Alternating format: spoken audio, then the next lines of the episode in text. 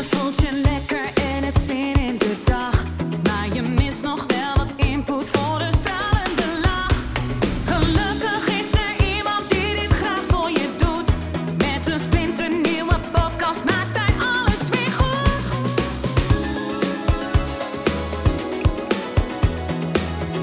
Maak weer eventjes vrij voor Edwin Selij.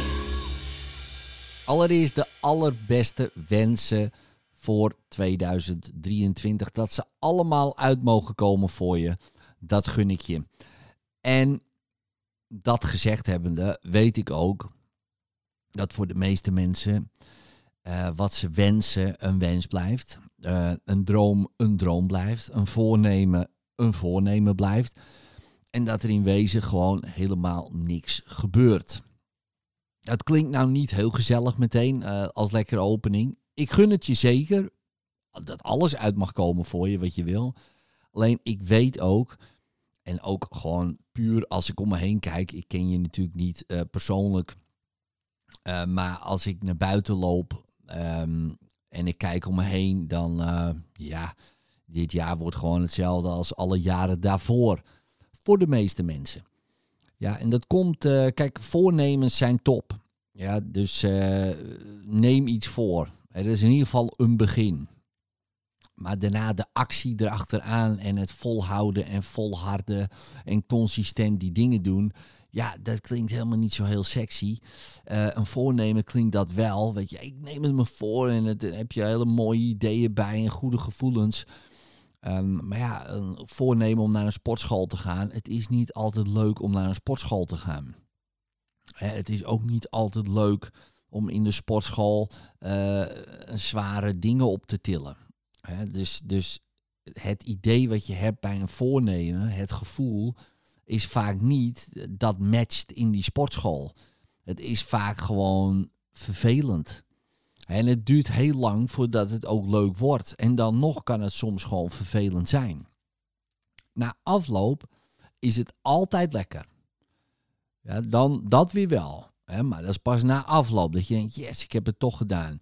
En dat is misschien een goed voornemen eh, voor je om te hebben. Hè, We worden allemaal gehypnotiseerd. Ik ook. Ja, eh, voornamelijk door je eigen gedachten. We zitten allemaal vuistdiep in hypnose. En we luisteren naar onze grootste hypnotiseur. En in dit geval, hè, als je volwassen bent, hè, dus laat ik dat even aannemen als je dit luistert, dan is dat de stem in je hoofd.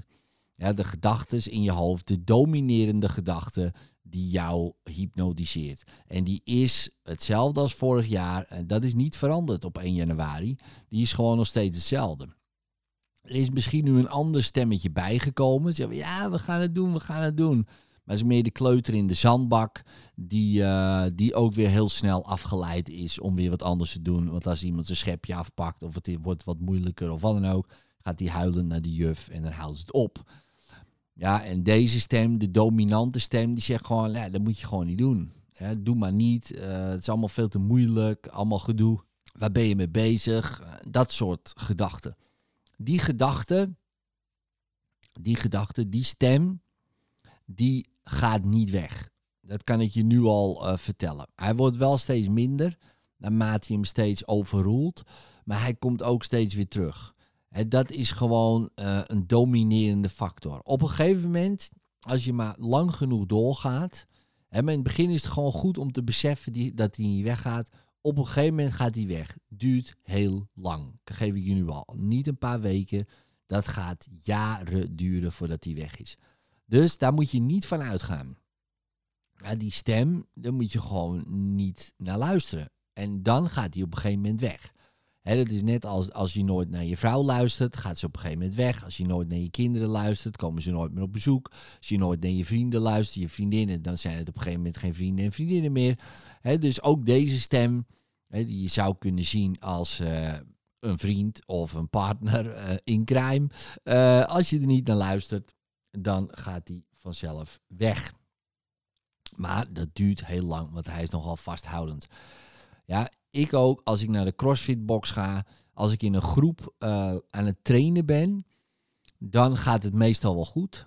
weet je wel, dan krijg ik daar, eh, ja, omdat je dan toch afgeleid wordt door andere mensen en dan let ik op andere mensen of op de klok eh, en natuurlijk op mijn oefeningen.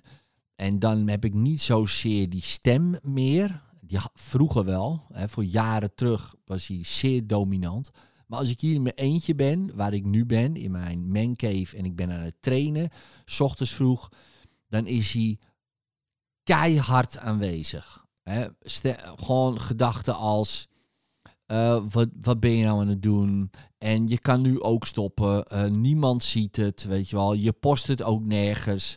Eh, aan wie heb je wat te bewijzen? Weet je wel, eh, niemand weet dat je dit aan het doen bent. Eh, waarom zeven rondjes? Doe er vijf. Waarom zo zwaar? Doe het minder. Het maakt dat. Nou, en dat is rete lastig om daar eh, niet op in te gaan. En eerlijk gezegd, afgelopen jaar heb ik me ook wel door die stem gedacht: van, ja, weet je, niemand ziet het, ik stop ermee. Of het was ook te zwaar. Of ik... En dan stopte ik. En dat voelde niet lekker. En dan stopte ik. Maar meestal niet. Soms wel, meestal niet. En die keren dat het lukte, ja, dan voel je je echt top. En het grappige is, dan wordt die steeds minder. Maar ik merk hier in mijn eentje, als in de wetenschap, dat niemand het weet. Niemand weet dat ik train. Niemand weet dat ik dat aan het doen ben. Eh, ik post het ook niet, weet je wel. Er is geen accountability, er is helemaal niks. Oh, en dan is hij op zijn op sterkst. En dat is je enige tegenstander. eh, in jouw voornemens te halen. Dat is het, meer niet. Hè. Dus er is geen buitenwereld die niet binnenin je is. Dus het is allemaal binnenin je. Alles is binnenin je. En het gaat om die eh, moeilijke meters, die vuile meters, wordt ook wel gezegd, weet je wel, die niemand ziet, waar je geen waardering voor krijgt, die niemand ook boeit, ook eigenlijk, weet je wel, maar jou boeit. Hè, ja, jou boeit.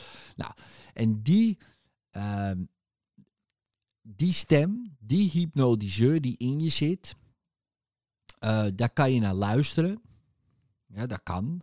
Dat doen de meeste mensen. 99% van de mensen, nou misschien 98% van de mensen luistert daarnaar. En die wint. Over het algemeen wint die gewoon. Maar ik zou je gunnen eh, om daar gewoon keihard tegen in te gaan. Met je eigen idee. Met je eigen stem. Laat je eigen stem dit jaar horen. Laat jouw stem eens horen. Niet de stem die, die wil dat het laat maar gaan is. Weet je wel? Want die stem, die aan de kant gewoon met die stem. Jouw stem. Laat jouw stem horen. Wat wil jij? En ga daarvoor.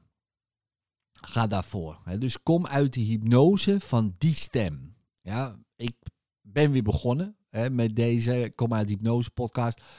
Ehm, nou, afgelopen half jaar geweldige interviews gedaan. Dat komt aankomend jaar, ik denk in de donkere dagen weer terug. Weet je wel, van september tot en met december. Maar tot september eh, ja, wil ik jou met deze podcast uit hypnose halen. En de eerste variant daarbij is die ene stem. De grootste hypnotiseur in je leven. En dat is die ene stem die vindt dat het allemaal oké is. Het is allemaal al goed. Waarom zou je de moeilijke dingen doen? Maar weet één ding, en dit is een motto, eh, wat je kan meenemen. Hoeft niet van mij.